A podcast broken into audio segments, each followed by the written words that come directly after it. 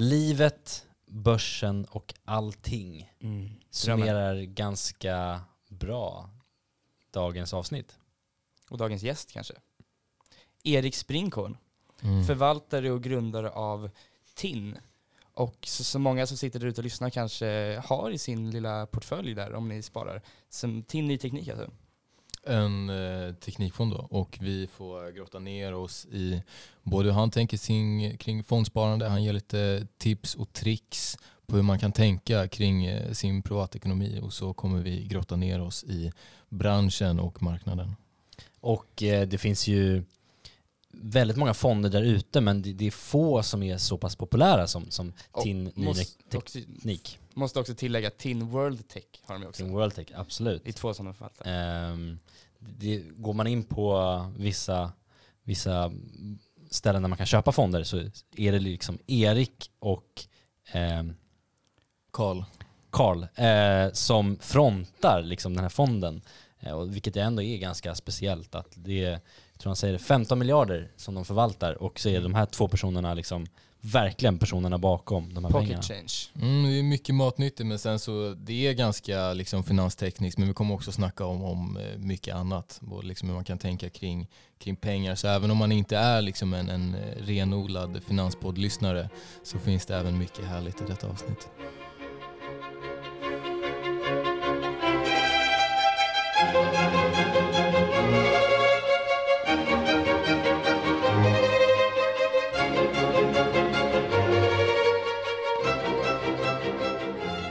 Hur mycket pengar för de som inte vet är det ni eh, förvaltar i dagsläget? Ja, det är ju rörlig materia. Det, det, Ja.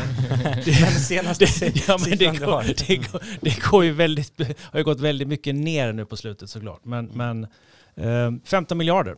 Ja. Mm. Det, det låter ju som en hiskelig summa för liksom gemene man. Att så här, okej, vi har makten över 15 miljarder kronor liksom. Det är ju ändå, känns som ett ganska stort ansvar. Absolut, men samtidigt blir det, det faktiskt lättare att eh, ha hand om, om, rent mentalt, 15 miljarder för kanske 300 000 människor. Än om du gav mig 15 miljoner kronor att förvalta för dig enbart. Varför då? På något sätt så blir ju talen så stora att det blir en abstraktion. Mm. Och det säger jag kanske också med, med lång erfarenhet, för, men det var min första känsla att jaha, eh, när jag började förvalta för över 20 år sedan, att oj, hisklig massa pengar, men, men man vänjer sig och det blir på något sätt abstrakt. Det kanske är som typ att eh, om man ska spela eh, sjunga inför en person, det känns mycket jobbigare än att sjunga inför kanske så här 5000 på något sätt. Att det bara är, det är en folkmassa snarare än att det är liksom en, en personlig Ja, kanske inte folkmassa, men en pengamassa då. pengamassa. Så att För, det, för det är väl en så här, tänker man på personerna bakom siffrorna som man ser på, på dataskärmen liksom. Alltså det här är ändå faktiskt folks pensionspengar, det här är folks framtid som de på något sätt lägger i mina händer nu. Ja, är, det, är det något man tar in i beräkningen? Absolut, jag menar, vi har ju dessutom så pass många sparare. Så att, och, och det, vi har inte eh, liksom gått på liksom stora pensionsfonder och, och utomlands och fått en miljard här och en miljard där, utan det är verkligen många bäckar små. Och det, jag brukar visualisera det genom att tänka, men min, min mamma har, har investerat i fonder jag har skött i, i över 25 år, så att hon är den typiska småspararen som jag Mm. visualiserar framför mig. Extremt långsiktig dessutom. Henne vill du ta hand om, du vill ta hand om dina sparare. Exakt. Va? Ja, men det, och det är väl, det är väl någonting som, som även om, man, om, om jag har jobbat i större organisationer, har, har liksom tänkt på mig själv som någon slags ombudsman för, för andelsägarna. Mm. Att jag ska göra det som är bäst för dem. Det, menar, det är det enda, enda hållbara och, och etiska sättet att förhålla sig till det här. Mm. Men berätta lite för de som inte är jätteinsatta i, i TIN Fonder. Hur, hur jobbar ni och vad är er vision och eh, varför, varför har det gått så bra för er som ni ändå har gjort måste man ändå säga. Ja, vi, eh, som sagt, lite nystartat fondbolag. Vi satte igång i februari 2019. Vi har eh, två fonder som vi sköter om, TIN Ny Teknik och TIN World Tech. TIN World Tech startade vi då i juni 2020. Och eh, vi investerar i innovativa bolag, det är vårt fokus. Eh, vi tror att, eh, ah, in, och det är en bred definition, men, men växande bolag, om det så är mjukvara eller dataspel eller medicinteknik, eh, om man kan få till den här tillväxten och, och dessutom kan göra det lönsamt, ja, men då, har man, då har man ränta på ränta-effekter och då jobbar liksom tiden med det hela tiden. Och då kan vi eh, ta ett väldigt långsiktigt perspektiv på det. Mm. Så att det, låta, låta de här bolagen jobba åt oss och våra andelsägare. Det, det är Mm. väl hela, hela tanken och, och filosofin bakom. Mm. Är det någon speciell anledning varför just techsektorn blev eh, fokus? Ja, det är just eh, det, är det vi har gjort med, med störst framgång eh, historiskt eh, på, på en stor bank. Men, och det är också det som är roligast. Um, att, att leta efter det nya. Vi är ju inte, vi är ju inte ingen startup-investerare, vi är inte, inte venture-folk sådär, men, men vi är ändå någonstans i framkant och, och lär oss om saker som är, ändå morgondagens teknik. Så att det är ju extremt kul att, att vara där också. Mm. Men eh, jag, jag undrar alltid så här, det känns som att man får en bild av när man förvaltar liksom 15 miljarder, liksom det, det är Wall Street, det är hela den här grejen som är ofta liksom det man kanske ser på film och sådär. Mm. Men hur, hur ser livet ut för en liksom fondförvaltare eh, i Sverige? För dig liksom, hur ser, hur ser en normal, eller onormal vecka ut? Är mycket mindre glamour och mycket mer rutin och Ja. inrutad tillvaro. Men, nej, men på riktigt så, så eh, vi träffar så många bolag vi kan. Träffa bolagen är det roligaste vi vet och träffa entreprenörer. Och det, det, det är därifrån avkastningen kommer. Vi kan inte sitta och flyga skrivbord och, och screena oss fram till, till avkastning utan vi måste vara ute och, och, och smutsa ner fingrarna om man så- vill och försöka nörda ner oss i, i bolagens produkter. Förstå dem på hyggligt. Jag menar, varken Karl, eh, min medförvaltare, eller jag, vi är ju inte ingenjörer. Vi är liksom inte mediciner, doktorer heller, utan vi får försöka efter bästa förmåga. Eh, om vi tror oss förstå liksom hur människor fungerar och vad de behöver, då kan vi försöka bedöma bolagens affärsmodeller och se om de kan göra något vettigt för mänskligheten också. Och då är det extra. Tar ni, tar ni in experter på de här områdena då som konsulterar er i vissa frågor? Eller är det mycket att ni går själva på er intention? Ja, vi, vi försöker bygga nätverk så att, eh, så att om vi hittar någon expert som vi kan vara trevliga mot så att de kan ge oss gratis information och kunskap. Nej, men, nej, men vi- mycket av det vilar ju på, på våra axlar såklart. Att vi- vara ute, vi, det roligaste är, är ju nästan att åka på så här industrimässor eller branschmässor. Finns det något bra som, som man ska åka på om man är intresserad? Ja, om man gillar dataspel så tycker jag ju E3 eller Gamescom. Har, ni har varit på, på dem Ja, år? och, och eh, även GDC i San Francisco är bra. Mm. Men Games kommer ju nära, det är i Köln varje år. Eh, Jag får se om de, om de eh, dyker upp igen här nu efter, efter covid. Liksom. Är du och Karl data tv-spelsintresserade? Ja, alltså, ibland skämtsamt då, jag brukar kalla mig en nykter dataspelare. Ja. Det var väl någon gång när jag skulle samla ihop mig på universitetet eh, och, och ta examen. Då var jag tvungen att, att liksom lägga ner med Civilization utan eh, fokusera på studier istället. Men, Jaha. nej, men jag, jag älskar dataspel och, och eh, det, det lilla spel jag gör det är ju mer schack Ja. på telefonen. Det är liksom, schack är ju det mest omspelningsbara spelet av alla. Mm. Ja, ni investerade i Play Magnus eh, som är världsmästaren med Magnus Carlsens bolag. Just det. Eh, Men det har vi faktiskt avyttrat. ja, eh, men det, var det ändå en faktor i att ni gick in i det, från, alltså, även om ni inte har kvar det? Det är, men det är klart att det är intresseväckande. Men sen i retrospekt då, så att vi var ju väldigt aktiva i Norge eh, hösten 2020. Eh, de gjorde om eh, det de kallar för Mercure Market så att det skulle bli mer likt First North. Det skulle vara bättre... Först måste som är en handelsplats, bara Ja, för alla Ja. liksom. Jo, jo, men alltså, vi har ju huvudlistan, Mm. stora börsen. Sen har vi de här smålistorna. Och där har vi First North som är ändå en, en av Nasdaqs listor i Sverige. Som ändå, eh, den har fungerat väldigt bra. Väldigt många bolag av, av hög kvalitet har kommit in dit. Det är lite lägre krav, det är lite mindre krångel. Och de har ändå kunnat komma in och utnyttja det här som en, en bra finansieringsplattform. Embracer till exempel va? Exakt. Och eh, hoppet var ju då att, att det här Mercure Market i Norge med, med lite högre krav och lite ordning och reda skulle kunna bli någonting liknande. Så vi var eh, så, så, kallad ankarinvesterare i i tio norska börsintroduktioner då hösten 2020. Det var ju inte alla som blev bra, men å andra sidan, det var på något, någon nivå så var det ett medvetet offer för att vara stödjande och supportive att, att det här ska bli någonting bra. Men, men eh, eh vi visste från början då att, att förmodligen så kommer inte vi vara aktieägare i hälften av de här om två, tre år. Eh, allt, allting kommer inte bli bra. Och eh, Play Magnus var väl de som vi med tiden upptäckte att det, det, var, det var en ganska ofärdig affärsmodell. Och det är svårt att, att tjäna riktiga pengar i schack eftersom det finns så mycket typiska schackspelare, en, en ganska IT-kunnig, duktig och dedikerad person som är intresserad av att skapa open source-lösningar där de kan spela mot varandra Ja, men det, det, helt gratis. Ja, Du beskriver Rasmus här nu. ja, men jag är själv ganska schackintresserad. Ja. Eh, Så jag har också gick- gått in i Play Magnus eh, vid ett tag, inte har det längre heller. Nej. Så att, eh, men jag vet inte, det var väl också min, min så här, mitt schackintresse som tyckte att det var intressant och i det att, ja, nu behöver vi inte gå in för djupt på det, men deras lösningar liksom sälja schacklektioner och liknande Just det. eh, online kändes ändå som att det kan funka. Eh, men så, så ja, det är väl många faktorer som spelar in där. Ja, Men, och sen eh, hade de ju faktiskt turen då att Queens Gambit, Mm. serien Just kom ut och, och alla... Var det bara tur eller hade de, de var inte att de förberedde och lanserade samtidigt? Nej, det, det var en För den- ren den- tillfällighet. Schack fick sån jävla uppsvung där ju. och alla skulle spela. Ja, men jag blev ju sugen. Det, det, måste man ändå säga. Det är, absolut. Ja, nej men vi, på tal om, på tal om schack så har du varit med i något, något eh, som jag läste om, näringslivet mot för, eller eh, möter förorten. Ja, stämmer. Eh, vad, vad var det för någonting? Det är en, en svensk stormästare som heter Pontus Karlsson som, har, som är initiativtagare och där hela idén är då att, att folk från näringslivet ska, ska träffa ungdomar från förorten typ och träffas och spela schack. Kanske utbyta erfarenheter, kanske liksom hitta sommarjobb och liksom andra kontakter för när de vill ta sig vidare i, i, i näringslivet. Liksom.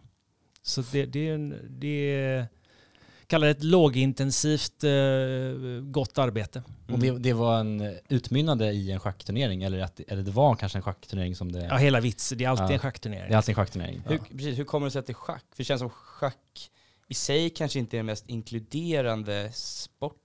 Och varför inte det? Jag vet inte, det känns som hur många spelar schack kontra typ hur många som spelar fotboll. Ja, men det är exempel. skapligt elitistiskt, det måste du hålla med. Ja, Det är det ju verkligen. Alltså, det är ju jättemånga, alltså, man ser bara med, med när schack blev stort på Twitch till exempel så var det alla liksom, gamla eh, konservativa schackspelare fick ju fnatt av att det kom in liksom, folk som blev intresserade i mitt Twitch, i mitt Queens Gambit. absolut. Mm. Men alltså, jag, jag, bara min erfarenhet av det är att kompisar som jag har som spelar schack kontra kanske andra sporter, eller för, fördomen mot att om man ska åka ut och träffa ungdomar i förorten, mm. hur många som spelar schack kontra en annan sport. Känns som att det kanske är färre som spelar schack ändå. Ja men sen Ja, men det är färre som spelar schack i det, av den allmänna populationen. Det är, det är inget, det är säkert, jag tror att det kan till och med vara en, en högre procentsats i, i olika förorter som spelar schack. Okej. Mm. Ja, en, fo, en det, det beror ju på vilka... en, vilka en andra del en, en, Ja. en i populationen som helhet. Ja, en- Ja, ja, en okej jag fattar. Jag liksom. fattar. Ja. Så, så eh, jag vet inte, det, det, det, det är elitistisk verksamhet. Och liksom, om, om jag är på min ranking och möter någon som är, har 200 poäng mer än vad jag har, då kommer de vinna 999 gånger av 1000. Mm. Så att vad, vad som är, är fint där är att om man ändå hittar en spelform där, där du har en halvkass näringslivssnubbe med en, med en duktig ungdom och så möter varandra i, i blixtschack mer eller mindre. Det kan bli väldigt eh, underhållande Mm. för alla involverade. Man kör varannat drag då eller? Eller hur funkar det? Ja, precis. Mm. Och digitalt så, så, så um, var det ett, en annan kul modell. Det var liksom öga-hand. Okej. Så Ja, att, Mm. att man kan då tillsammans sitta digitalt, så, så om du och jag spelar ihop då mot, mot er två så, så, så säger du bara löpare. Mm. Så får jag, jag ska göra någonting med löpare. Jaha, okej. Och då har du kanske blivit helt tvärtom mot hur du tänkte jag skulle Mm. röra Så får löpare. man träna sin intuition då lite Ja, i spelet man också. får liksom hitta varandra. Det till och med digitalt funkar väldigt bra. Ja, Väldigt den har blivit, på tal om Twitch har den blivit ganska Mm. populär på Twitch. När, Mm. Den är poppis, den är rolig också. Ja, hand and brain på engelska tror jag det heter, Ja. eller någonting sånt. Ja, just det. Hjärna, hand, hand and brain. Ja, just Ja. det. Mm. Ja, nej men det, det, Mm. det är väldigt kul. Eh, Men är du duktig eller hur gick det i turneringen? Eller är det, var det det Ja, vi väl- blev väl näst bäst. näst bäst? Ja. Men det, det, känns, det känns ödmjukt. Ja, det är ödmjukt. Komma Det tillbaka och vara näst det är lagom. Nej, men vi jobbar oss uppåt faktiskt. Jag har spelat med samma tjej nu ett par, tre gånger. Så att vi, vi, eh, vi har gått från eh, ingenting till trea till tvåa. Mm. Vi får se om det blir någon mer gång. Ja. ja, men kul initiativ i alla fall. Ja, verkligen. Mm. Men om vi bara går tillbaka till början då. Eh, kul att snacka om schack. så här, förvaltning och hela den biten, vad, vart grundade sig den tanken hos dig och vad var det som fick dig intresserad och vilja dedikera ditt liv till det? Ja, det, det går ju att spola tillbaka eh, väldigt långt om man vill då, men man Mm. kan, så i grunden, mitt ekonomiintresse eller intresse för aktier, det kommer troligen från två håll, ska jag säga. Det min morfar var liksom en, en, en näringslivssnubbe och eh, liksom var kul att titta på hans aktiebrev, fysiska aktiebrev Mm, mm. och han pratade mycket om bolag och Sånt där som vi aldrig liksom kommer få se, eller Nej. i alla fall, eller se kan vi göra på museum kanske, men inte uppleva i alla fall. Nej, och då pratar vi inte om de här si, s- snirliga eh, 1900-tals eh, eh, tågbolagen och, eller Göta kanalbolag, utan det var liksom mera datautskriftsaktiebrev. Det var, Okej, de, de var fortfarande fysiska, men det var liksom... Mm. Eh, sen, eh, jag eh, var ju tonåring när OTC-marknaden kom igång, tidigt 80-tal. Och vad är OTC-marknaden? Det var ju föregångaren till First North kan man Mm. säga. Småbolag. Och eh, min pappa blev intresserad av det och det, jag blev också intresserad av det. Och de där bolagen gick väldigt bra. Så blev jag lite spekulant då i, i gymnasiet. Eh, och sen, eh, sen ehm, höll det där i sig. Men, eh, och sen det var ju naturligt för mig att om jag började läsa på, på ekonomilinjen så att välja finans. Och sen eh, hade vi inte jag någon, någon sådär utstakad väg, jag vill bli aktieförvaltare. Utan jag har ganska öppet sinne. Men, men Pluggade du direkt efter gymnasiet eller väntade du ett tag eller hur gjorde du? Nej, 80-talsmodellen det var ju eh, eh, lumpen ett år, jobba ett år, resa ett år. Ah, okej, okej. det, var, det var där man körde. Det är en ganska standardmodell. Mm. Ja. Hitta dig själv, hjälpa landet lite och sen börja, börja Ja, exakt. Ja. Exakt. Var åkte du någonstans då? Eh, jag följde en ganska väl, väletablerad väg eh, till Asien. Mm. Men det- som var ovanligt för mig kanske var att, att vi var ett gäng som åkte Transsibiriska järnvägen. Oj. Mm. Det är kul. Och det här var ju precis efter att muren hade fallit så att vi var i Moskva och eh, hade kul. Champanska kostar fyra kronor. Och på Ja. tåget, alltså ändlösa tåglinjer bort, bort till Peking var ju eh, någon snubbe som kommer på och vill, vill sälja kaviar. Mm. Ja, Så vi, lite vodka och kaviar. vi vill inte ha, vi vill inte ha. Nej. Alltså, så var det någon som tog en snus och så blev han intresserad. Så, ja men testa du.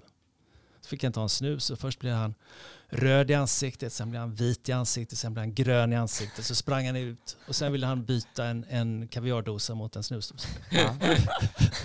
Trading. Fast. Ja. Hoppas det fortfarande är så på äh, järnvägen där. Känns lite svajigt att åka den nu bara kanske i dagens läge, men ja. Det kanske inte är, det är kanske inte det vi ska planera. Nej men okej, men du, så morfar och sen pappa. Yes. Och nu för du fanan vidare. Hur, efter... Nej, det var inte så att de var aktiva i Nej, aktiemarknaden. Nej, okej. men, men ändå, var, var, varifrån kommer intresset? Mm. Det är väl så det funkar lite med föräldrar, att liksom det, det är ändå en fana vidare. Att kanske man väcker någonting i, i Men, generationen nästa. men då, Ja, då blev det i alla fall, kanske. ja. det blev i alla fall finans då för dig. Mm. Och hur tog du dig vidare därefter? Jo, nej men det... Eh, sen sen eh, fick jag mitt första så här professionella jobb då efter universitetet var ju på eh, Robur, Swedbank, Mm. eh, som analytiker. Jag var ju framme vid 95. Och eh, där var jag i fem år. Vart är man i näringskedjan på Rubur när man börjar som analytiker efter universitetet? Ja men Robur då är inget, alltså det är helt annorlunda mot Robur nu. Det var ju en entreprenör, intraprenör ska jag kalla honom, Anders Lannebo som, som var vd under 18 år där. Och drev en kultur av analys och kunskap och liksom titta på bolagen bottom up och inte, inte bry sig om så mycket makrogrejer. Mm. Det var en otroligt bra Var en del Skola. diskonterade kassaflöden du hade där då? Ja, vi hade, de, Robur hade faktiskt eh, Sveriges första Excel-modell, värderingsmodell. Liksom. Vilket- För vad det nu är värt liksom, Ja. i dessa dagar. Men, men det, jag tror det var han som blev eh, vd och grundare för, av EQT. Conny Mhm. Jonsson var analyschef på Robur på den tiden. Det är mycket så här folk som går runt liksom. Jo, jo absolut. branschen. Men det, det, det är ju en relativt liten bransch. Ja. Kan det vara ett par tusen människor kanske som, Mm. som jobbar i svensk finansbransch? Känner, alla känner alla lite så. Nej, det vill Nej. jag inte påstå. Men, men eh, alla känner många. Vad, vad, och sen om man kollar på, på bolag, det är ju jättemånga olika grejer man kollar på med kassaflöden, liksom det är mer siffrorna. Men är det någonting som är lite oväntat som ni blir extra taggade på när vi ser? Om det är liksom personerna bakom, om det är liksom någon egenskap där eller om det är någonting som gör att ni liksom hajar till lite och, och tittar lite extra noga? Ja, men det är entreprenörskap är ju jätteviktigt där. Att, att, eh, om det finns en människa av kött och blod som på något sätt står bakom eller som driver eller som är med på ägarsidan.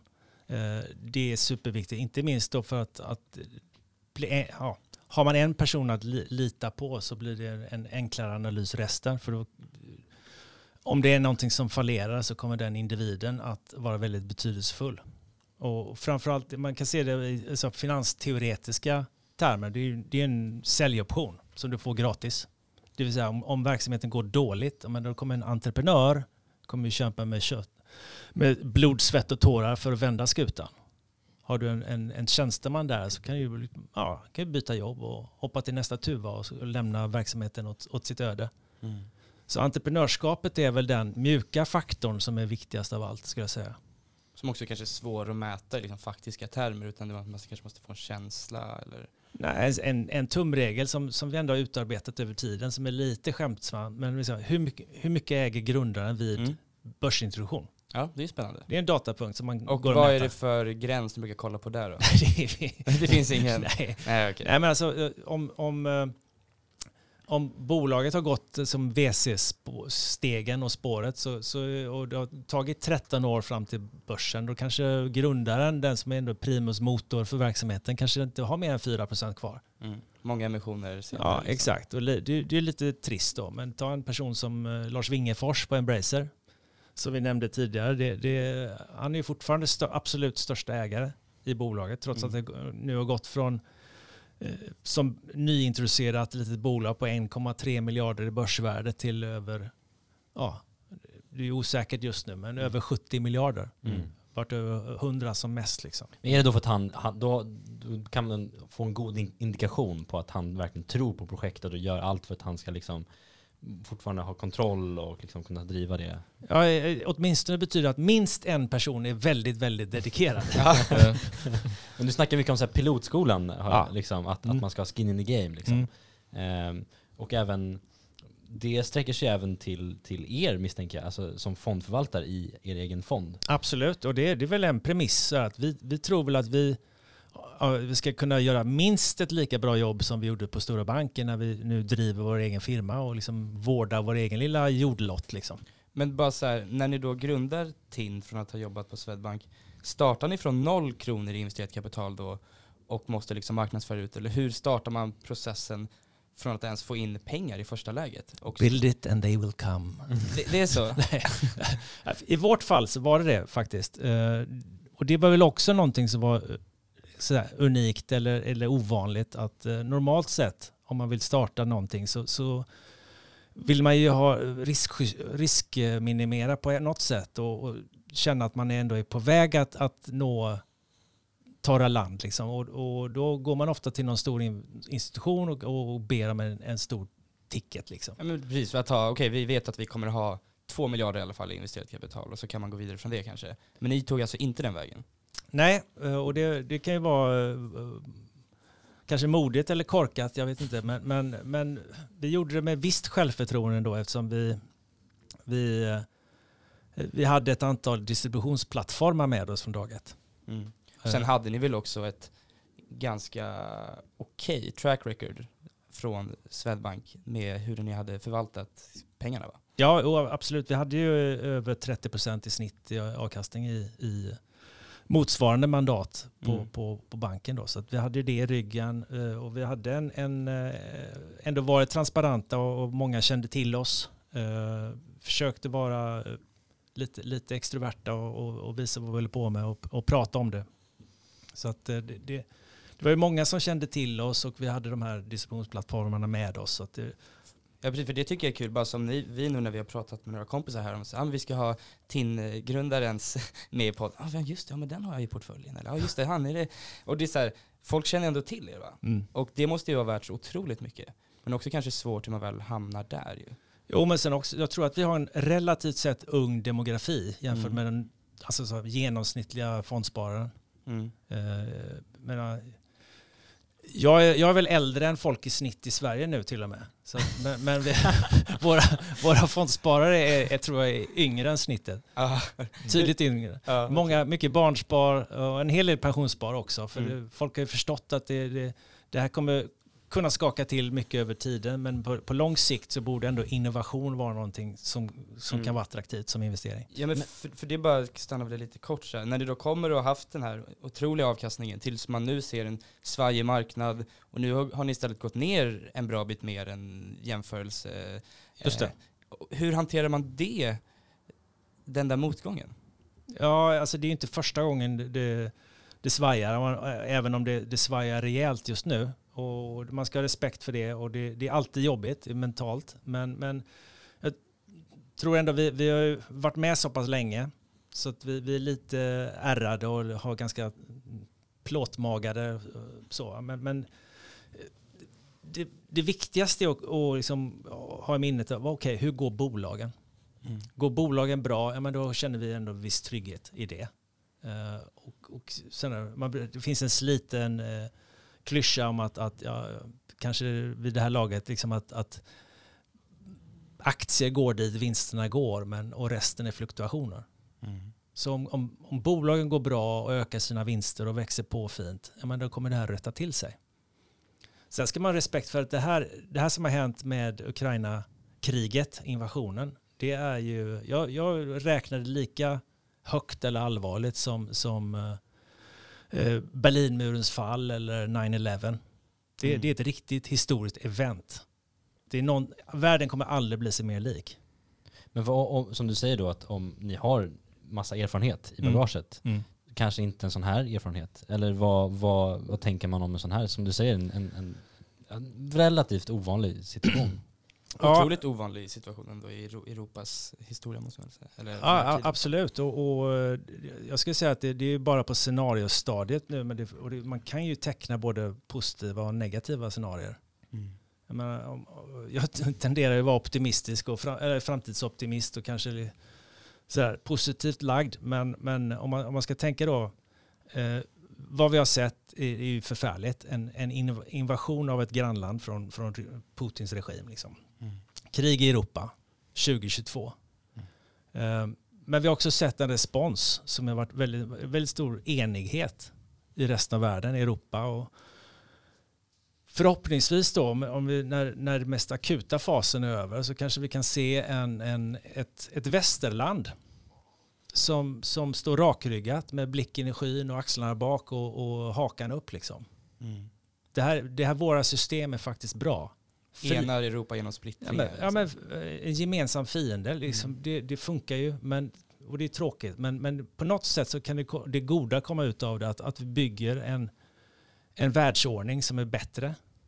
Eh, där vi inte har, eh, men jag tycker det har varit en stor svaghet. Den här tanken, det var en ganska arrogant tanke som uppstod efter eh, när Berlin, Berlinmuren föll och åren därefter, årtiondet efter. Då fanns en stor arrogans i västerlandet. Att, jag menar, vår modell, västerländska eh, kapitalistiska eh, liberala demokratier, den, det- är, historien är slut. Alla kommer gå dit, för det är ju så bra. Och det var ju otroligt arrogant. Den, den, den idén, den tror jag, tycker jag dog med 9-11. Att det faktiskt finns andra krafter som, som inte gillar det vi gör här. Utan de vill se en annan modell. Eh, och eh, efter det så har det varit eh, liksom inte en spikrak resa för, kalla det västerländsk civilisation. Men det här kan vara den klockan som faktiskt gör att, att man får en ny version som inte är arrogant, som, men med gott självförtroende ändå kan visa att det här är en, en, väldigt bra modell vi har. Mm, något sorts paradigmskifte. Men tror du det kommer kring enighet i hela Europa då? Eller kommer man, man kommer inte se spretighet tänker jag? Eller vad? Mindre spretighet och en, en, en samsyn kring vad som är viktigt i världen Mm. eh, och viktigt i livet. Eh, Jag snackar mycket med mina eh, kompisar och människor jag umgås med, eh, umgås med som är liksom i 20-25 års åldern. Eh, som in, kanske inte är så ekonomiintresserade som, som vi som sitter här är. Och jag var nyfiken på hur ska man tänka kring liksom sitt egna sparande? För att jag försöker övertala dem hela tiden och säga nej men du måste börja putta in i, i olika fonder för att det kommer liksom göra så himla mycket på, på lång sikt. Att det, liksom, det kan ju bli sådana otroliga summor när man eh, verkligen sitter och håller på det. Men jag tror många tycker det känns svårt, man förstår inte riktigt, aktier känns komplicerat, man vet kanske inte liksom riktigt var man ska börja ta sig an liksom hela den biten. Så hur, har du liksom några konkreta eh, tips eller grejer man kan förhålla sig efter om man liksom vill börja ge sig in och börja liksom månadsspara eller fondspara? Eller? Ja, jag, fattar, men jag fattar att det är knepigt. Det, det finns ju en liten quirky detalj i det här att, att det finns faktiskt fler olika fonder i världen än vad det finns aktier. Mhm. Eh, Vilket ju är lite bakvänt. Ja, många som har samma innehav. Ja, det- så- så- ja exakt. Ja. Så nej, men jag tycker det- är att, att börja spara tidigt det är, är jättebra av flera skäl. Dels som du säger, de där pengarna man sparar tidigt, de blir extra mycket värdefulla över tiden. Tack vare vårt åttonde underverk, ränta på ränta-effekten. Men det är också så att, att om för varje krona man, man sparar undan så, så konsumerar man en krona mindre här och nu. Och det är ju extra viktigt. Låt oss säga att om man första jobb kommer in på en relativt låg lön och så får man en löneökning. Boom! Efter ett, ett tag. Och då har man, man kan, ju kan ju leva och konsumera på den nivån som man hade på första. Men ska man konsumera hela överutrymmet man får när man får en löneökning? Nej, där är ju jättesmart att spara undan det där. Spara, spara som en pessimist men investera som en optimist. Eh, och, och gärna i risktillgångar då. För då vänjer man sig inte vid den här nya inkomstnivån bara fyller ut den med massa konsumtion. Precis, för det är lätt att tänka att för varje krona som jag får i intäkt mer kan jag också, så börjar jag också spendera mycket mer. Men du säger nej, tänk om det här. Att för varje krona du tjänar mer, spara en krona till då. Ja, och, och dessutom, menar, här om, om vi ska gå in på lite mer, mer immateriella saker, och, så om du behåller den här konsumtionsnivån du hade, ja, men då blir du också resilient till om, om bolaget du jobbar för skulle gå i konkurs och du tappar jobbet. Ja, men det är inga problem, för du har redan en, en konsumtionsnivå som är anpassad för en lägre, eh, lägre intäkt. Så eh, precis, säg att du skulle få ett nytt jobb ja, med en lägre ingångslön till exempel. Eller? Då kommer vi in på psykologi, liksom att, att, eh, att en förlust är psykologiskt två och en halv gånger värre än vad en, en vinst av motsvarande storlek är.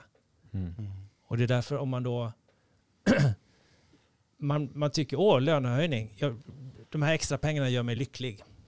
Det, det, det är en väldigt kortvarig upplevelse. Det är som Avtagande marginalnytta på den. hedonistisk adaption. Aha. Så, så vänder man sig, jaha, när- här är min nya normala konsumtionsnivå. Mm. Mm. Går jag ner från den, då blir jag jätteolycklig. Så det är liksom bespara sig det besväret och, och behålla en, en, en... eh, Jag säger inte att man ska, ska leva som någon kyrkråtta liksom så, men, men någonstans ha, ha lite balans i, i sina utgifter och sin, sin konsumtionsnivå. Ja, ni lever ju där ute nu på studielånet. Stanna där, 10 000. Det är, ni, klar, ni märker ju att ni klarar det. Sen är resten är bara, glöm dem och sen så 20 år så kan ni gotta er. Sen är det den där skiten då med bostadsmarknaden bara hur man ska ta sig men det, det löser sig. Ja, det löser sig. Nej, men det är väldigt svårt att liksom ge råd. Jag får ju inte ens ge någon råd. Det är liksom, då, då tappar jag tillståndet. Men, men, men man, hur man kan tänka om det. Och det där finns det ju inte... Alla är ju olika. Alla, alla trivs mer eller mindre bra på nivå X, Y och Z. Men jag tycker ett, ett allmänt ett bra tips är väl ändå att försöka spara lite grann så tidigt som möjligt. Men eh, för att återgå lite till det här med, med eh, de mer volatila delarna av, av att investera och att eh, ja, trada och, och sådana saker ehm, på lite mer frekvent basis. Eh, hur, jag tror att det är lätt att många, inklusive eh, liksom, vi tre som liksom har gått igenom sådana faser av liksom att man har eh, haft folk i ens närhet som har gjort jättebra bets på liksom, marknader. Eller liksom, det är lätt att tänka att okej, fan det, Gör jag bara det här några gånger? ja, lite ja, så. men vad, men där har vi varit själva. Vi köpte ju farmarbolag 2020 och, så, Ja, och sen så trodde att man kunde- två veckor senare så hade man ju förlorat hälften av allt man ägde. Eh, så där Typ. fick man sig en örfil. Precis, också som du sa så här, att fler unga börjar spara nu, också så här, fler unga killar, risknivån är inte riktigt där än liksom. Och så tänker man, ja, jag gick bra en gång, kan nog gå bra några gånger till. Och jag vet inte, Ja, men hur, hur tänker du kring det? Har du alltid liksom, det är klart man sneglar eller? På liksom folk som gör eh, 200% liksom på någonting och så vidare. Det är klart man sneglar eller? Ärligt talat, ja, liksom, det finns några andra psykologigrejer som fear of missing out och mm. sådana grejer. Herding, flockmentalitet. Det, det, man ska vara vaksam på sina dåliga sidor. Och, eh, jag- 200 procent är, det, det är ingen normal eh, avkastning. Och det är ingenting som är... eh, skulle det vara eh, så att säga, möjligt att upprepa gång efter gång efter gång, jag menar, då, då är, skulle man nästan inte tro att det var någon laglig metod. Mm. Utan det... ja, jag, jag, jag bryr mig inte så mycket om sådana här historier om, om folk som har gjort fantastiskt bra ifrån sig på kortsiktiga affärer. Det När är GameStop var i nyhetsflödet för något år sedan så scrollade du bara förbi. Stonk Wars. Nej men det är klart att folk blir intresserade av att, jag har jättemånga kompisar som aldrig hade sparat på Mm. börsen som la in en tusenlapp här, bara för att så här, fan kan, kan de här göra 40 000 kronor på en tusenlapp? Det vill jag också göra liksom. Och samma nu, om vi kanske kommer in på det senare, med, så här, med hela kryptomarknaden nu. Man tror att man kan bli rik över en natt liksom. Mm. Och så funkar det ju inte. Nej, jag, jag har aldrig sett så många investera som i GameStop och AMC. Alltså Nej. det är folk som alla, inte ens har pillat på aktier, liksom, Mm. skickar in sig Ja, och så. och det är ju alltså för att man, det är så här, varför köper folk trisslotter? Ja, men det, det blir också ett element av lite grann eh, bondeuppror mot eh, de elaka, onda Mm. blankarna. Och det, det blir ju så ett, ett, en historia, ett narrativ i sig som var väldigt tilltalande. Mm. Och, Man rättfärdigar det i alla fall. och hänga på liksom. Ja. Men i själva verket, så det, vem gjorde fel egentligen? Men det var ju alltså, gå på ett GameStop. Liksom, ah, spel säljs digitalt idag. Det är klart att en butik måste, måste ju dö. Mm. Ja, fast det var ju så att de har ju andra sätt att komma runt det där och det var inte den första som kom på det. Och priset var ju redan satt på ett, som förutsatte att de skulle gå i konkurs mer eller mindre. Så det var ju fel av, av eh, Melvin Capital var det va, som Mm, som tyvärr fick ta blev lite förluster. utburna på vår. Mm. Mm. Mm. Ja, men det, det är ju, vi kan ju gå in på det lite. Vi, vi alla tre har ju eh, blivit lite intresserade av, som, som många andra, kryptomarknaden och så. Eh, Ja, Och- jättespännande att höra vad, vad proffs tänker om, om, om det.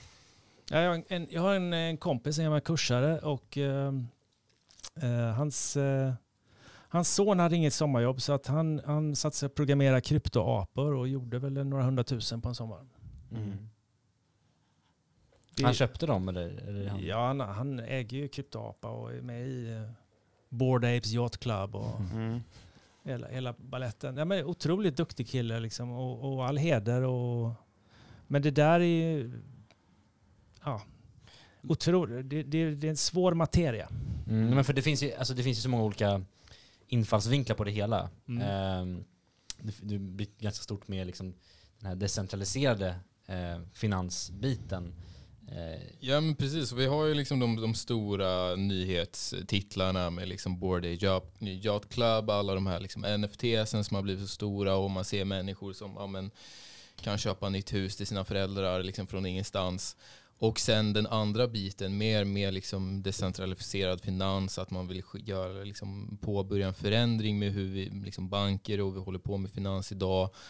Och då liksom komma ifrån det som kanske liksom var lite mer problematiken med, med 2008 som exempel.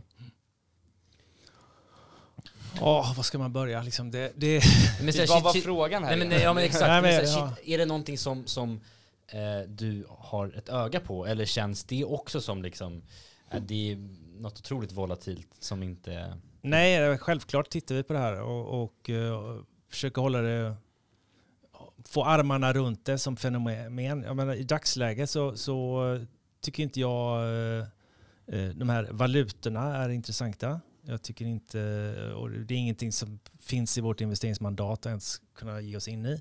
Eh, jag tycker blockkedjetekniken, eh, i bitcoin-caset är den omogen.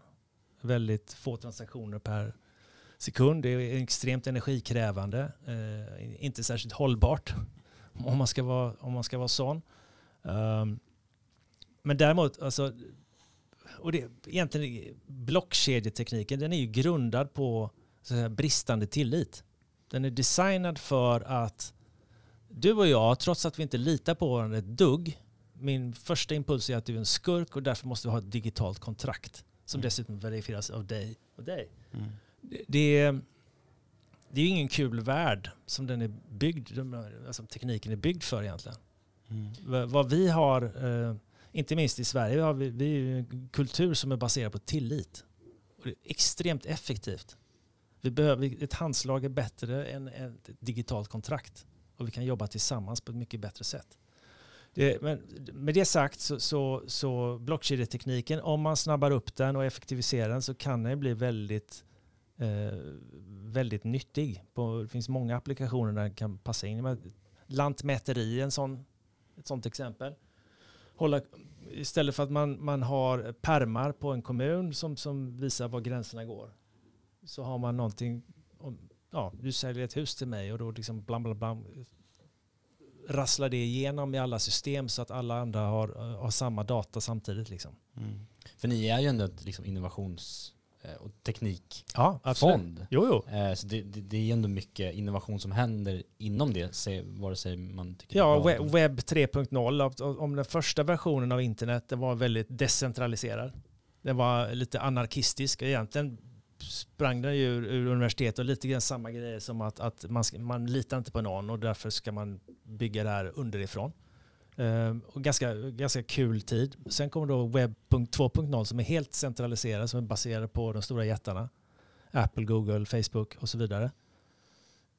Och den är ju i princip totalitär. Så att webb 3 är förhoppningsvis mer av en decentraliserad värld. Mm. Och, och en, eh, en computingplattform som kan vara, kan, där kan nya mer decentraliserade grejer uppstå och vi kan undvika sådana här stora decentraliserade monster. Mm. Men det, jag tycker det är spännande du säger med att, liksom, att, att, att det här med att man inte har tillit till, till folk i systemet då. Att det är en... Eh, Det är Väldigt- USPen för, för bitcoin. jo, jo, exakt. Men jag menar att, att det är en väldigt eh, pessimistisk syn på samhället. Jag vet inte... Eh, hur, hur hade det kunnat funka i liksom ett eh, idealt scenario på, med den svenska modellen? Ja, men då, då, då, då kan man ju försöka eh, attackera från den här liksom mera effektivitetsvinkeln. Att man eliminerar processer som kanske är långsamma eller, eller sämre, antingen pappersbaserade eller, eller eh, svagt digitaliserade. Okej. Så kan man med, de, med den här tekniken göra saker mer effektivt, snabbare, billigare. Så att vi kan få mer gjort på samma Mm, tid. snarare än att... Och så, då, är det- då, är inte, då är det liksom inte premissen att, att eh, vi inte litar på varandra så vi måste ha det här ineffektiva steget emellan oss. Utan det, det är mer att vi tillsammans i vårt tillitsbaserade system hittar en teknik som, som vi använder för att göra allting, allting alla hjul ska snurra fortare. Men är det inte så att vi inte litar på, alltså är det inte bara att vi litar på de stora bolagen istället nu? eh, För att, än för att du litar på Linus som du tar en, eller oss som verifierar? Jämfört med... Ja, alltså, tillit är ju eh, guld. Mm. Om, om eh, data är den nya oljan så är ju tilliten det nya guldet. Ja. Nej verkligen. Nej men det är bara intressant. Och det är därför vi, alltså ett, ett av våra investeringsfokus är ju dig, vad vi kallar för digitala varumärken. För hur hittar man tillit i en värld, global värld? Ja men varumärken blir ju jätteviktiga då. Mm. Och inte minst i den digitala miljön. Och, så att, att vårda som, som dataspelsbolag, framgångsrika dataspelsbolag eh, vårda sina produkter, sina franchises, sina IPn. Mm. Det Och gör ju att, spelarna kommer tillbaks liksom. ja, fortsätter vara engagerade och, och Mm. man litar på att nästa spel de släpper kommer vara bra och så vidare. Det, det, det är tillitsskapande i en digital miljö. Ja, men det är väldigt, väldigt sant. Eh, Vi ska inte gå allt för in, in på krypto, men på tal om att det är liksom väldigt eh, tillitsbaserat krypto. Det är, där är ju, då varumärkena det enda som, som finns eftersom att datan är öppen och, Mm. och mycket Och vem som source. helst kan göra vem som vad Ja men lite helst. så, då är det ju bara varumärket som finns kvar till slut. Mm. Eh, men jag vet, du Ludvig har ju varit, eh, på tal om spelbolag och sådär, Mm. eh, ni är ju investerade i, i Roblox. Och vi vet inte, vi snackade om någon, någon video som, som, som kom upp om Roblox här för Ja, precis. Roblox har ju fått kritik med liksom hur deras modell fungerar lite med att, att eh, det är en plattform där man får bygga själv spel och sen så får de en, en, en slice då, de som har gjort de här spelen av det liksom, de, de tjänar. Och jag var lite osäker på vilken liksom fråga du var ute efter Rasmus, men den här videon i alla fall, den, den kritiserade att den utnyttjar liksom ungdomar till att, att skapa de här spelen och de här världarna i ett ganska tufft klimat där många liksom utnyttjas. Och, det, och där har ju liksom Roblox tagit ett, ett steg tillbaka eftersom allt det här sker på externa plattformar. Så det är liksom inte direkt kopplat till företaget men i de här Discord-grupperna, i de här liksom olika chattrummen så har det liksom varit en, en jargong som kanske inte har varit eh, den bästa. Um, Nej men det jag var in, inne på lite om, om varumärken och tillit eh, vad, hur er syn är på eh, hur ni tittar på era investeringsbolag eh, och liksom moral och etik i de hela eh, med annat än att de liksom går finansiellt bra. Ja, nej men eh, Roblox är väl ett bra exempel på det i och med att det är så mycket eh, användargenererat innehåll. Och då, då är det svårt var det är många svårigheter i många dimensioner. Var går gränsen? Var slutar liksom eh, Fort, eh, Roblox liksom, Mm. område och var är någon annan som styr? Och, men det, det, blir, det blir en fråga om governance, alltså att Mm. bolagsstyrningen, att de har en hög moral och etik i den och, och gör det på ett bra sätt. Och Det är klart, i och med att det är svår, så svårt att styra så kommer det alltid att uppstå Eh, Speciellt i en verksamhet som rör hundratals miljoner människor så kommer det uppstå avarter här och där. Så att vad vi måste göra är att, att kolla så att, att de adresserar de problemen så fort de uppstår. Mm. Så att det, det barnarbete i den digitala miljön är inte okej nej. eftersom det inte är okej i kolgruvorna, eller hur? Nej, och det, precis, och det, var, det har ju varit en svår situation för dem att hålla koll på. Det är ju liksom jättesvårt att, att lösa också eftersom det är pengar inblandat. Alltså, om ungdomar gör någonting som de tycker är roligt, kan tjäna pengar på det. Liksom då har den situationen mm, uppstått. Och spännande att se vad de eh, kommer ta vägen. För att det, jag upplever i alla fall att det liksom är liksom webb 3-liknande sättet att skapa på. Alltså i och med liksom metaverse, de är ju liksom, har ju en fot in där. Och att liksom man tillsammans möts och, och, och skapar någonting samtidigt som det, de har liksom ganska hård kontroll över hela systemet och liksom vad man tjänar. Jag vet, jag vet inte vad ni tycker, men om vi pratar metaverse, är väl Roblox är väl närmast, de som har kommit närmast egentligen.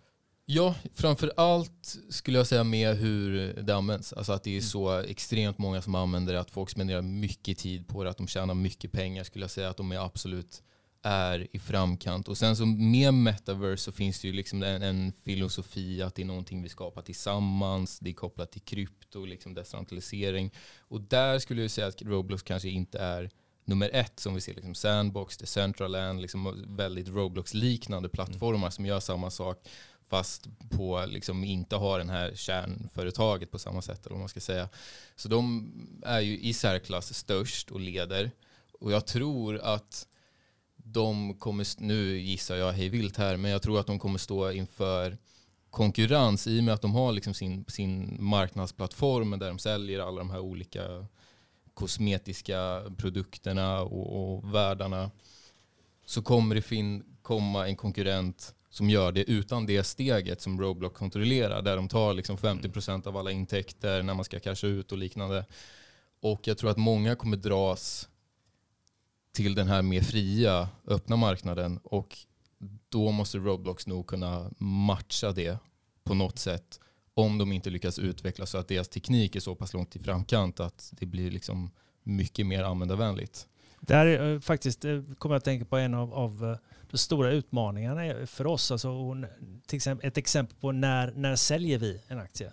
Mm. Och det, det är ju det som är svårt i den digitala världen är att se, eh, mäta exakt hur hållbar en affärsmodell, alltså hur länge den håller. Inte att, att de har bra ESG och sådär, men men bara hållbarheten i affärsmodellen. Och det, Roblox är ju svårt. Det är Mm. svårbedömt. Och det är, inte, det, är inte, det är inte skrivet i sten att deras affärsmodell kommer att vara hållbar i all, evig, all, all evighet. Mm. Um, Men intressant också att, att all, alla aktier som har med metaverse att göra har ju gått mycket sämre än allting annat. Mm. Ja, nu med oroligheterna. Ja, nej, men rent allmänt. Och, eh, När Facebook bytte namn till Meta, det var då den började gå riktigt dåligt. Man insåg vad man höll på med egentligen. Men, Ja. eh, jag tycker det är spännande det med att man liksom, det är så jäkla buzzword metaverse. Men Mm. det, är, det är väl typ ingen som har koll på vad det är. Alltså tycker, vad jag läser, det känns som att så här, men det är, vissa tycker det är liksom det här, vissa tycker det är något annat. Men Många, vad- många vill liksom, eh, kalla det, ockupera eh, ordet och Ja. hi, hijacka hela termen. Facebook och, typ. Ja. ja. Mm. Ja, men som vi ser Nvidia som har liksom haft monsterår nu. På grund av att ja, de gör grafikkort, det här kommer användas. Och liksom, de håller på med AI också. Liksom, och, så det är ju liksom mera indirekt kopplat till det hela. Och, ändå så har den liksom gått hur bra som helst. Det är ju affärsmodeller vi gillar normalt sett. Det är att, hack, att inte göra grejen i sig Mm. och vara vara liksom föremål för vindar som blåser hit och dit. Men sälja hackar och spadar till guldgrävarna. Mm. Mm. Är det något företag eller kanske mer specifikt spel som ni jättegärna skulle liksom haft ett, ett finger med i matchen med? Eller som ni har ångrat? Alltså, är det ni, något koll- så här i hindsight som Ja, men bra som ni som ni vill investera i? ni kollade Nej, på det det finns inget. eh, och så var det såhär, Ja. nah, vi, vi, vi Nej, passar men det den så, här så, gången. nej, men in, en, Nvidia är ju ett bra exempel på det. det är bol, vi, vi är ju, har en, en bias för mjukvara mot, mot hårdvara. Mm. tycker hårdvarucykler är ofta svåra. Eh, och det, innovationsgraden är, är, det är väldigt svårt att förutsäga att, att eh, antingen, ja, är det Nvidia eller ATI? Ja, Okej, ett duopol, det är två som dominerar marknaden, borde vara okej. Man borde hitta rätt. Mm. Om, om nödvändigt, köp båda två då. Men eh, Nvidia har vi faktiskt, trots att vi vet hur duktiga de är och vilken position de har, så har vi inte investerat i dem. Och det har ju varit fel. Mm. Det är, och det är dessutom hackar och spadar till hela Ja. metaverse som, är, som är mycket mer oöverskådligt och som vi inte vet vem som kommer vinna exakt. Mm. de stora, det Mm. stora slaget. Men, men Nvidia kommer ju operationellt må bra. Sen Mm. kanske aktien är, är alldeles för dyr. Det är, Mm. men det är en annan fråga. Hur tänker du kring eh, Microsofts eh, uppköp av eh, Activision Blizzard? Det är jättebra för inte minst svenska spel, dataspelbolag. Och, och varför det? Det- det? Det, de gör ju Game Pass mer attraktivt. Mm. Eh, De kommer alltid ha bra innehåll där och de har kontroll över innehållet nu på ett annat sätt. Eh, Men då, då kan man tänka sig om jag, om jag är ett svenskt spelbolag som, an, som säljer mig själv på, mina produkter på, på Game Pass. eh, Kommer jag få mindre betalt nu då när, när Microsoft har sin egen del? Nej, inte nödvändigtvis. Om de attraherar många fler spelare till, till Game Pass, då kommer det faktiskt bli mer pengar till mig som tredjeparts. Mm. Precis, det är lite som så här. Om du, får in, om du säljer mer för att du sänker priset så Mm. kommer du inte liksom tjäna mindre utan du kommer bara sälja mer. Eller om du sänker skatten så att Ja. fler arbetar, Mm, exakt. så får du in mer skatte, skatteintäkter. Exakt. Det, är precis, Det, det är en sån här orsak verkan lite. dynamiska Mm. effekter. Liksom. Mm. Men, men om vi bara går tillbaka, så vi, nu har vi zoomat ut en bit, om vi zoomar in igen då till personen Erik. När, vad gör du för att koppla av från allt det här? För att liksom stänga av tankarna på spelbolag och investeringar, krypto, pengar. Vart är det du hamnar i din zon liksom? Ja, nej, senaste året så har ett, ett fritidsintresse faktiskt var, varit att skriva en bok om finans. Ja. Slappnat av lite. Släppa taget. Ja. exakt. Nej, det kanske låter helt sjukt, men, men eh, det var faktiskt en, eh, en kille som heter Kristoffer Andersson som har skrivit ett par böcker om börspsykologi. Mm. Jag satt, eh, Livet, börsen och allting. Heter boken Ja, som Kristoffer och jag har skrivit, ja, Ja. precis. Och, och, och den kommer ut här nu 25 mars. Mm. Så att, Sugna på att läsa den. ja, det, det, ni ska få varsitt ex. Ja, vad kul. Ja, vad roligt. Och- Första sponsen till. Men, nej, men det, det har varit kul ändå, för det, det har varit lär, lä, väldigt lärorikt. För jag menar, jag har aldrig skrivit några, några längre texter tidigare, utan jag brukar skriva månadsbrev, krönikor och lite sådär genom historien. Och, och, jag har ju sett att om jag går tillbaka till 2013 eller något sånt där, jag ser första månadsbreven och så här, det skäms ju nästan. För Du det, blev det, inte, du blev har inte ju ändå, sugen på att investera eller? det har ändå blivit bättre skrifter och då har det ju ändå varit kul att, att ge sig på ett större projekt. Och det har varit extremt lärorikt. Jag tror att jag har blivit en bättre investerare av det. Eh, Men det kanske inte var det du syftade på när du frågade. nej, nej men det är spännande, för det, det här var ju, det var, nej, det var inte det jag syftade på egentligen, men det kan ju vara ett svar för det. Ja, ja, ja men, Ja. och det, det är... Eh, menar, klart jag, jag hade tyckt det var kul att skriva en bok någon gång, men hade inte Kristoffer liksom tjatat så mycket så hade det aldrig blivit av. Hur ser upplägget ut när man skriver en bok tillsammans med någon? Är Så, det så här, som man aldrig har träffat dessutom. Ja men är det så här, ni snackar och så, ja men kapitel 1 och 2 tar jag, du tar 3 och 4. Lite som man delar upp ett grupparbete, eller hur, liksom, hur funkar det rent praktiskt att skriva en bok? Nej, men vi, det, det, för oss så, börjar det så att, säger han att by the way, jag har redan skrivit fyra kapitel. oh, oh, the pressure! Nej, men så att jag, jag började väl liksom, hade några idéer, några teman som jag ville skriva om och, och sen så började vi liksom hitta någon slags, eh, att det amalgamerades ihop till någon, Allt från Kadin till Kafka som skulle in där i boken också, läste jag något eller? ja exakt, exakt. Men det, kän- det Odla känns, din egen trädgård. ja. Nej, men det känns som att om man ändå vill, det är ett, långt projekt eh, Ja. att skriva en bok. Eh, var det självklart vad den skulle handla om liksom, från början? Det klart, Det, det, det var det inte, utan det var ju liksom en ganska flödande kreativ process. Och, men till slut så tycker jag vi ändå fick ihop det till något, ett, något som hänger ihop. mm. Mm. 12 kapitel. bra eh, siffra. Från, från det ena till det andra liksom. Ja, vad är röda tråden om man är nyfiken? Ja, nej, men alltså, som titeln antyder, vi, vi gillar ju bägge då Douglas Adams och, och Liftarens guide till galaxen. Så att det, Mm. det är ju en spoof på livet, universum och allting. Och, menar, börsen är ett stort universum med massa konstiga kreatur. Eh, så att vi, och dessutom så tycker vi att eh, det finns så mycket alltså, kunskap i finanslitteraturen som är användbar på andra håll i livet. Och vice versa. Och den, den bästa eh, typen av eh, lärdomar är, är, kommer ofta från en, en multidisciplinär ansats på, på, på världen. Ja, för att saker är komplexa liksom. Ja, och, och du kan hitta, du hittar inspiration och metaforer i andra eh, från, andra eh, biologi eller statskunskap eller psykologi när du tittar på Och finans. de fyller ett syfte genom att de hjälper att förklara olika fenomen eller vad? Exakt, och det Mm. flödar liksom fram och tillbaka i, från börsen och, och tillbaka till, till livet i stort. Mm. Hur självbiografisk är den? Inte alls. Nej. Får vi, förresten, får vi med lite Hesa Fredrik här nu? På Ja, Ja, exakt. det är klockan Lite det. 15 var det va? Ja. Ja, det- alla bara går ut, det är bara, det är bara, kom ihåg nu att det är bara första måndagen i månaden Exakt. klockan, tre. Okej, Nej. men utöver boken då? Har Ja. du någon annan strategi? Jag, jag har en ganska eh, rutinbaserad tillvaro. Så här, att, att, eh, tränar, eh, i, ikväll det är marklivsmåndag va? Mm. Härligt. Och jag tränar några gånger i veckan. Eh, försöker, eh, menar, en, en baksida med att eh, bli, bli lite äldre är ju att man eh, inte kan käka så mycket som man vill. Mm. Så då kör jag lite frivillig kal- kalorirestriktion. Okej. Så Det är en hobby det också. Ja, det är en hobby det med. Så nu, ska vi se fram emot att fasta varje onsdag, liksom 36 timmars fasta. All right. Ja. Och det är nu nytt 2022 eller har du försökt det någon gång tidigare? Nej, det är faktiskt ganska nytt för den här månaden. Vad hoppas du kunna uppnå med det då? Nej, cellulär hälsa. Så enkelt. Lite cellulär hälsa bara. Så här, lå- låt, låta, låta, det kanske låter väldigt quirky, men, men det helt enkelt är det så att om, så länge du inte äter någonting så jobbar eh, human tillväxthormon, HGH. Mm. Eh, så fort du stoppar någonting i, i magen så kommer insulinet ta hand om det och då går HGH och lägger sig igen. Men det är så att typ, jag tänker direkt, man hinner inte tappa någon muskelmassa så de här 36 Nej, timmarna? absolut utan- inte. Det är tvärtom. Du har lättare att bygga muskler tror jag. Det är så? Mm.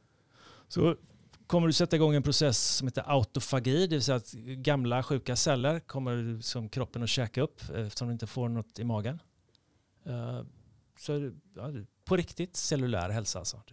Men det här är, det här är åldersbaserat eller? Det är inget vi borde implementera? Jag tror eller? att det kan gå att Det- köra i alla åldrar. Ja, det det funkar, funkar nog när som helst. Ja, vi får testa så får vi Perfekt återkomma här för i... studentbudgeten också, fasta 36 timmar. Men spara de pengarna istället. Jag spara pengar och köpa något extra bra mat. Ja. Men är, är det att du flyttar kalorierna eh, eller är det att du äter mindre? Nej, idén är ju att, att eh, menar, jag, jag tror inte jag behöver någon gigantisk di diet eller vara i ketos hela tiden, men, men, men, men ändå hålla, hålla igen. Mm. Eh, sådär.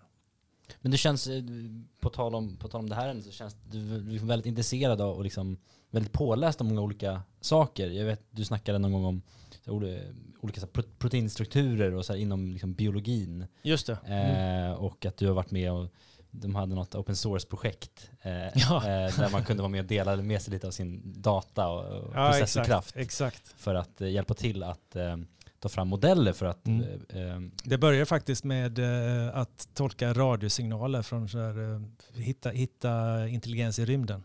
Jag lånade ut min datakraft till det först. Men sen blev det Sen fick den konkurrens. proteinvikningar som blev... Proteinvikningar, exakt. Nej, men det, jag kommer ihåg, jag hade ett Playstation 3. Då hade de en sån eh, app där man kunde göra det Mm. via sin Playstation, låna ut sin, sin processorkraft. Just det. Det var väldigt då, men det, det är inte alls nu liksom. Nej, jag tror att, att det, det är inte den trånga sektorn längre. Men Moores lag Mm. har, har ju... Fallit va? Eller? Ja, men så här, på 25 år så har datorer blivit 4000 gånger bättre Mm. på samma kostnad. Mm. Det, det är, Svårt att greppa.